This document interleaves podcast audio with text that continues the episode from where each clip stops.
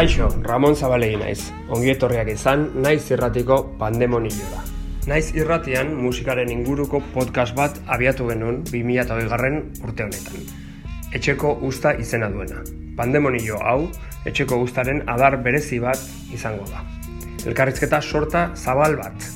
Izeiari kaso egiten badiogu, pandemonion grekeraz deabro guztien bilkura ala aingeru guztien bilkura omen da. Gurean ez ditugu guzti guztiak izango. Baina bai gure herriko musikari, bestelako sortzaile, deabru eta ingeruen lagin anitz bat. Pandemonion hitzaren beste esanaia, naspia omen da. Naspia eta kaosa, pandemia demonionek gure herrira eta bestetara ekarri duena. Gure herriko sortzailekin arituko gara solasean, pandemiak haien bizitza eta lanetara ekarri duena ezagutu eta ausnartu nahian.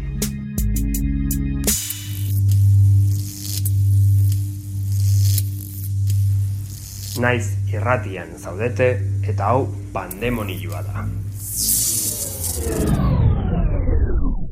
Ba, gaur pandemonioan Iñaki Estepi, bat sound sistemeko Iñaki.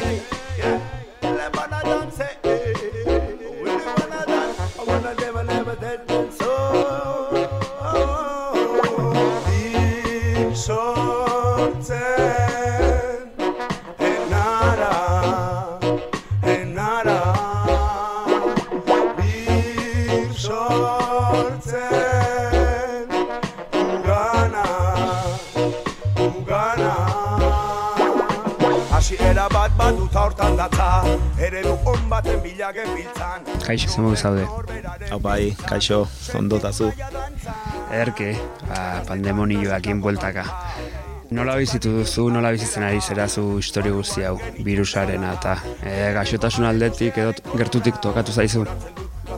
Oraingo sortez ez, ez, ez dut bizi izan inguruan ez errez, bakarrik hori, e, berrietan eta bizi moduan pixkat. Eta bizi moduan eragina izan du seguro. Konfinamendua orain dela denbora bat pasatu zen, ematen du hor urrun xamar geratu zela. Orain dakagun normaltasun berri deitu duten hau, nola dara mazuzuk. Bueno, oso urte arraroa, ja martxotik onera ez da errepikatu aur- aurreko urteetan bezala ez errez. Osea, dena rutina berri bat, esaten den bezala. Bizimodu be- berri bat, niretzako. A ber, a ber nola, nola bukatzen den historia hau, baita ikusteko grinaz ere ez, bukaera hori. Zu, ezagutzen zaitugu bat sound system taldeko ba, DJ-a bezala, eta bueno, pintxadatan ere, zure kabuz, orain guzti hau izoztuta dagoela ematen du, edo izoztu nahi dutela. Sorkuntzaldetik nola eragin dizu guztionek? Ze proiektu zenituen martxan konfinamendua iritsi zen momentuan? Pues hasiera batean kriston kolpea jasan nuen, zeren hori justo gu batzaunen kontzertuak azten ginen eh, martxoak amairuan, eta genuekan maiatzak arte genuekan data pila bat, eta bapatean bertan bera ziren erortzen bata bestearen atzetikan, eta eh, mentalki ere kriston kolpea jasan genuen, ez genekien non dekanaterako zen eguzkia, eta egon ginen hilabete pare bat edo hiru latz, latz, oso latz. Baina, bueno, orain ja pixkat, hori, e, oitu nahi ez, baina pixkat oitzen ari gera e, bizi, bizimodu honetara, eta, bueno, pixkat burua beste rollo batzu, batzuetan, baina nalare beti musika barrun, ez? Hemen gaude zure musiko lokal txiki honetan, hainbeste musika atzun duena. Barruan bai eta kanporaldera badago ere zerbait eh, martxan, nola dago? Bueno, pues orain lokaleko lana da tokatzen zaiguna, abesti berriak egiten eta historia berriak prestatzen, baina baita beste ritmo batean. Pertsonalki hori baita jasan dugula kolpe hori eta pixkat gaude pues, murgilduta bakoitza bere bizitza zuzentzen, ez?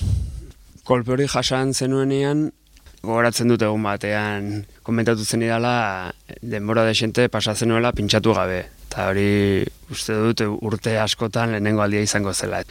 Ari diozu berriz ere gustoa hartzen, abilu hori hartzen. Bai, pues, eh, kolpea izan zen hori baita etxean murgilduta geundela, sartutak eta konfinamenduan baita txikiaren e, begitikan ikusten nuen e, bizitza eta kriston pena jasan nuen hori sortzi urteko alabarekin pues, e, ikustea eskolari gabe, lagunak ikusi gabe, familia ikusi gabe egongo zela eta pixkat saiatu nintzen e, pues, roi horretan sartzea, ez? Usto, zuzentzean ere indar guztiak pues, pixkat bizitza hori aldatzera, ez? Baina hori orduan pixkat musika ere pues, banalitatea e, iruditzen zitzaidan momentu horretan, ez? Pixkatola aldera utzi nuen eta orain martxan nago berriz ere. Ja gogoakin ere lanean nago eta bueno, dauzkadan minutu libre horiek pues, aiatzen naiz hemen eh, lokaleko lanak egiten eta pixkat burua hemen sartzen ez. Ikuspegi orokorrago batetik, eta behiratzen badiogu Euskal Herriko musikaren panoramari edo kulturarena, kulturgintzarena, izan ditugun gonbidatu gehienek, ba, nahiko pentsamendu pesimista dute honen inguruan, zein da zure ikuspegia? Pues nire aldetikan ere nahiko gaizki ikusten dut. E, pentsatzen dut askotan, pues hori gu gara azkenean jendearen aurrean gaudenak, baina gure, gure lana egin izateko gure atzean beti dagola teknikari eta langile mordo bat, kristona jasatzen ari direla, eta askotan pentsatzen dudanean horretan, pues aretoak, e, soinu teknikariak, eta e, egia esan beltz ikusten dut, baina hori bestaldetikan ere kulturalki pues pues leno egiten genuna, ez? Baita gaztetxeak eta lokal alternatiboak oraindikan ematen dutela eurek sortu dutela virusa eta ezinezkoa dela gertatzen ziren gauzak hor gertatzea berriz ere. Piskat margotzen dute kultura berpisten ari dela, baino oso filtratuta dago, dena oso ofizialki eginda, eta kriston fitroa pasabar direla horretan egoteko eta bueno, ikusten dute segurazki aterako gera edo nondik aterako gera, baina momentu honetan e, latz ikusten dut, latz ikusten dut. Irutze zaizu beste sektore batzuen aldean kulturarena gaizki tratatua dela? Kulturalki orain instituzioen aldetikan e, uste dut ez dela gutxi egiten dela, gutxi egiten dela. Orain esaten zut beste momentu batean nagoela eta ez nagola oso sartuta roioan, baina ikusten dudanaz edo bizitzen dudanaz ezer gutxi egiten dute. E, gehien bat e, gauza ofizialak eta hori baldin badago kontzertu bat e, kutsa kulturren, pues, ikusten dut kriston e, publizitatea daukala, medio guztietan e, errepikatzen dute bila bat aldiz, baina bakarra dagoela. Ez dagoela lehengo aste burutan zegoen e, aukera anitz hori, ez, e, orain dago dena oso, oso lotuta, eta uste dut baita pasabehar den aro hori esaten den bezala gero eta txikiagoa dela, ez. Duan, e, uste dute gure, gu bezalako musikariak edo beste underground batean mugitu izan garenak, pues latza, latza ikusten du guretzako. Modu autonomoan mugitu den sare hori, ez undergrounda edo bueno, gaztetxeak edo areto txikiak, nahi dugun bezala deitu, baina independientea izan dena, ba, orain inoiz lortu ez dutena, ba, lortu dutela. Ez lehen alik ginen komentatzen, ba, lakasitan pintxa bat egiteko ertzantzaren baimena eskatu behar dela, edo ematen duela eskatu behar dela, eta bueno, gauza batzuk leheno ezin genitunak imaginatu ere. Bueno, pentsatzen dut osasunaren historiare mai gainean dagoela, baino betikoak erabiltzen dituzte tresnak e, betiko helburua lortzeko, ez? Baita dena finkatua egoteko eta pixkat geldiarazteko herri mugimenduak edo, edo mugimendu alternatiboak, ez? Beti be aukera goiek, pues, orain eh, geroz eta okerrago ikusten ditut, o bideak gero eta itxiagoak ikusten ditute. Baina esaten zut bezala, baita, orain baita beste momentu batean nago, eta pentsatzen dut, pues, beti izan, izan, izan ditugula, pues, aukera sortu ditugula, inoiz ez digute eskua luzatu eta bizi izan gera orain arte eta bueno, orain golpe berri bat izan da, inoiz bizi ez dugun golpe bat, baina pentsatzen dut beti bezala sortuko direla aukerak eta margotuko ditugula bide berriak, ez? Espero dezagun baietz bai.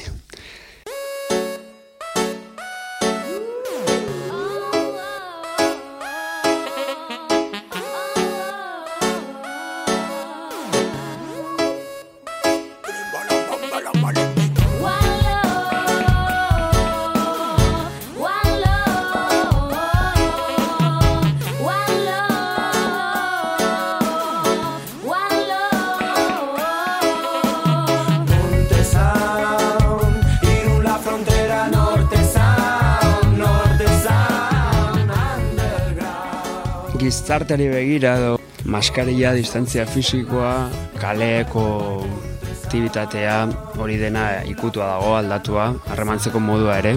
Arduratzen zaitu egoera berri honek? Bueno, justo udara guztia pasadute ostalaritzan lanean eta naiz eta eh, ezagutzen nuen mundu bat izan, pues guztiz aldatuta dago momentu honetan, pues hori horretan ere kulturan bezala, pues ordutegiak murriztu dira, jendearen arteko erlazioak murriztu dira. Pues gure lan egiten dugun e, aukerak ere aldatu dira pila bat, eta horretan bai ikusten dute, ez, pizkat osasunaren edo erabiltzen den e, aitzaki honen e, pues eraldaketa, ez? Dena bueltan bera utzi duela, ez? Baina egia san ez, ez dute egin gorrelako, pues nik ez dute ikasi olako zientzia pues ez naiz murgildu zientzia nahin beste jakiteko nola den edo nola egin beharko genukeen edo nola egin behar den edo zer den ona, zer den txarra, ez? Pues uste dut denak bezala, pues aiatzen naiz gauzak egiten eta eta bueno, nordaki ondo dauden, gaizki dauden edo bueno, horretan gauden komplikatu da jakitea. Historiak irakatsi dugu lako ez egon kortasun edo beldur momentuak daudenian, politikoki normalean posizio konservadoreak indartzen direla, eta autoritarismoa ere. Eta adibide batzuk izan ditugu, orain dela gutxi hemen Moskun bertan urriak iruan, udaltzaingoak eta ertzentzak ba, hemen kalean zegoen jendea, goizeko ordu batetan, ba, jipoitu zuten, eta bueno, irutzen zaizu olako zerbait gertatzen ari dela gure herrian e, guzti honen ondorioz edo guzti honen arira? Bueno, egia esateko hori da sorpresa gutxin egin didan gauza, ez? Eren, baita esaten zuan bezala hemen ostalaritzan ibili naiz urte askon deporren e, Moskun eta beti bizitu izan ditut horrelako egoerak, ez? Pues polizia beti izan dugu gainean adibidez e, gauza txikiekin ordutegiarekin edo lehen zegoen aitzakia, posen ordutegiaren historia edo musikaren volumenaren historia eta beti bizi izan dut nola aprobetsatu duten hori pues, e, salatzeko, tabernak izteko eta jendea pizkat astintzeko ez horrekin. Gaur egun pues, e, ordutegiaz gain, e, musikaren volumenaren gain, pues, badauzkate beste, beste aitzakiak sozialki indar asko ematen dietenak eta dudi gabe erabiltzen dituzte, pues bere, betiko bide hori egiteko, baina esate dizuan bezala ez da gauza berri bat niretzako. Beti sufritu izan ditugu erlako gauzak, eta bueno, zu hauso tarra baita zarela, badakizu ondo nola den, hemen ikusten zen hori, zamazteletan bertan ikusten zela Bos Mosku beti zegoen poliziaz gainezka eta beste irungo zonaldeak, pues San Juan edo beste taberna zonaldeak e, zegoen, zegoen poliziarik eta bueno, ikusi izan diren e, irudiak ere e, ez ziren Moskukoak. Beste taberna batzuetakoa ziren eta hoiek pos, beti badauzkate beste aukera batzuk hemen auzoan ez ditugunak, ez? Beti izan da poliziaren jipoia beti, beti sufritu izan dugu hemen, polizia edo politikarien jipoia beti sufritu izan dugu hemen auzoan beste auzoetan baino, ez? Ba, hori betiko desberdintasun hori izan da, ez? Hori ez da berria pandemiarekin. Ez, ez da berria. Konfinamendua eta gero, egon altzera kontzerturen batean, baldintza berezi hauetan, xeri eta maskariakin edo, egoteko asmorik duzu, aipatu duzu zuek ere emango duzutela, ze eragin izango du edo du guztionek publikoarekin duzuten harremanian edo nola aurre ikusten duzu hori? Pues egon ez naiz egon, e, inungo kontzertutan, neurri berri hauekin, pues, uste dut guretzako, pues, gure musikalki gure izakera pff, gulpi guztiz e, jipoituta dagoela horretan, ez? Eren, pizka gure joia beti izan da gu eta jendearen arteko erlazio horretan, ez? Beti horretan datza pizka gure saioa, ez? Eta orduan orain e, ikusten dut oso oso saia e, izango zela pues, e, bat zaunen kontzertu bat planteatzea, ez? Printzipioz, nik ez dut kontzerturik ikusi eta ustez ere ez da gehiagi irakartzen naue rollo bat, ez? Pues hori, baita ni DJ-a naiz eta saioetan jendea euneko irurogeita marra baino gehiago da. E, saioak batez ere ez dira gauz itxi bat, orduan beti dago jendearen e, momentu hori edo, edo gaueko momentu hori eta orain pues, momentua berdina baldin bada denak eserita bakoitza bere eserlekuan mugitu galgabe pues, e, bizi izan dudanarekin orain e, inolako kontzerturik egin gabe eta igual neurri hauek e, bizitu izan gabe, orain ikusten dute ez, arraroa, gutxienez arraroa ikusten dute, ez? E, DJ saio bat edo kontzertu bat. Baina, bueno, egiten ari dira gauzak eta ikusiko dugu, haber nola ematen den. Nire aldetikan ez dut oraindikan kontzerturik ikusi, ez nahi saiotan egon, eta bueno, ikusiko dugu, haber zer nola ematen den. Bujaka, bujaka, mala mafia kalean Bujaka, bujaka, ezin da gelditu Bujaka, bujaka, mala mafia kalean Bujaka, bujaka, ezin da gelditu Eso es lo que Venga, A ver si os echáis al rollito buyaka, buyaka, Mala mafia kalean buyaka, buyaka, Ezin da gelditu buyaka, buyaka, Basom system kalean Bujaka. Vamos a ver un poquito más. Bujaka, bujaka, mala mafia kalean Bujaka, bujaka, ezin da gelditu Bujaka, bujaka Zut, musikari asko eta musika zale asko ez dituztela kontzertuak ikusi oraindik. Zuk aipatu duzun horre, horregatik ba, azkenean kontzertutan ematen den e, energia hartu eman hori dela ba, ez dakit, ba, gehien maite duguna ba, zaila delako egoera honetan, ez? Eta zuen kasuan, ba, sua eta dantza, ja zuen ezaugarriak, eta, ba, ez dakigu. Baina, bueno, txinpartaren bat piztuko da, ziurrenik. Galderak bukatu zaizkigu, ez dakit zerbait gehiago esan nahi duzun, Iñaki? Bueno, eh, pues elkarrizketa honetan hitz egin izan dugula musikarioi buruz eta teknikariei, ez, aretoi buruz, baina uste dut baita kolpea sozialki gizarte osoak eramango duela eta batez ere langileriak eramango dugula pixkate historia gure gainean, ez? Berriz ere izango da beste kolpe bat, ikusten dira lanan lanen aukera, pues hori, gu musikalki desagertuta gaude pixka bat, baina beste gizarteko beste arloetan ere uste dute kolpe latza datorrela ez bakarrik eh, osasun kolpe bat eta bueno, pues indarra guztiei, indarrak. Ba, indar horrekin agurtzen zaitugu, eta eskerrik asko, Iñaki, pandemonioari eta naiz irratiari zure denbora eta erantzunak eskaintzagatik. Bai, bueno, eskerrik asko zuei pazientziagatik, behin eta berriz atzeratu izan dugula elkarrizketa eta bueno, azkenean eh, aukera izan dugula egiteko eta eskerrik asko zuri Ramon eh, pazientziagatik, ez? Eskerrik asko. Indio jarra Plastikteki Plastikozkoa Amesten alduzue Ardi mekanikoekin Replikante galdera Gobernariei ordea Amesten alduzue Plastiko papinekin lertuta Zatietan bomba mordoen gatik Manikiel barrituak hankak eta besoak ate birakarian Zaudete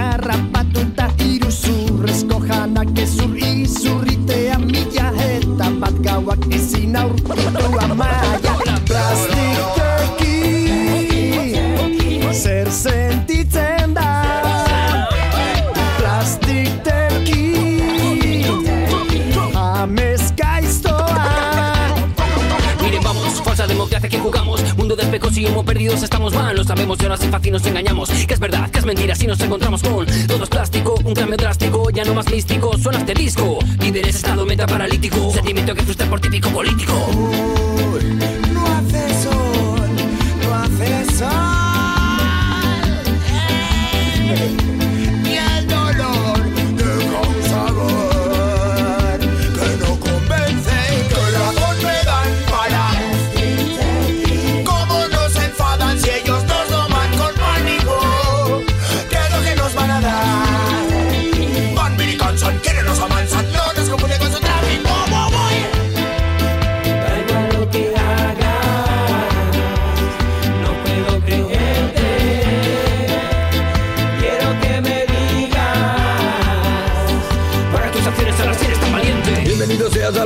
Plastic Atenti no veas lo que crea aquí de Asmatic Arrapatutak nordaki Inorrez presidentes son maquis. Kiris, mentales finis Resulta como ciris Medios pitan gritos con el arco iris. Tele tu y somos ocultos de nuestro domo Sacaron banda información, televisión y cuantos zánganos Mentiras que ragan mis tímpanos. Plástico y pollos, barro en los hoyos. Sí, periódicos y radios acaban por ser escollos. Mentes aclaradas con aradas es un chollo. No quieren miarnos me los follo. Causan el pavor, padres del horror, miedo este temor Disfraces, ¿quién vio? No hay faz, se vendió la paz. El infierno sabemos que no Plastikteki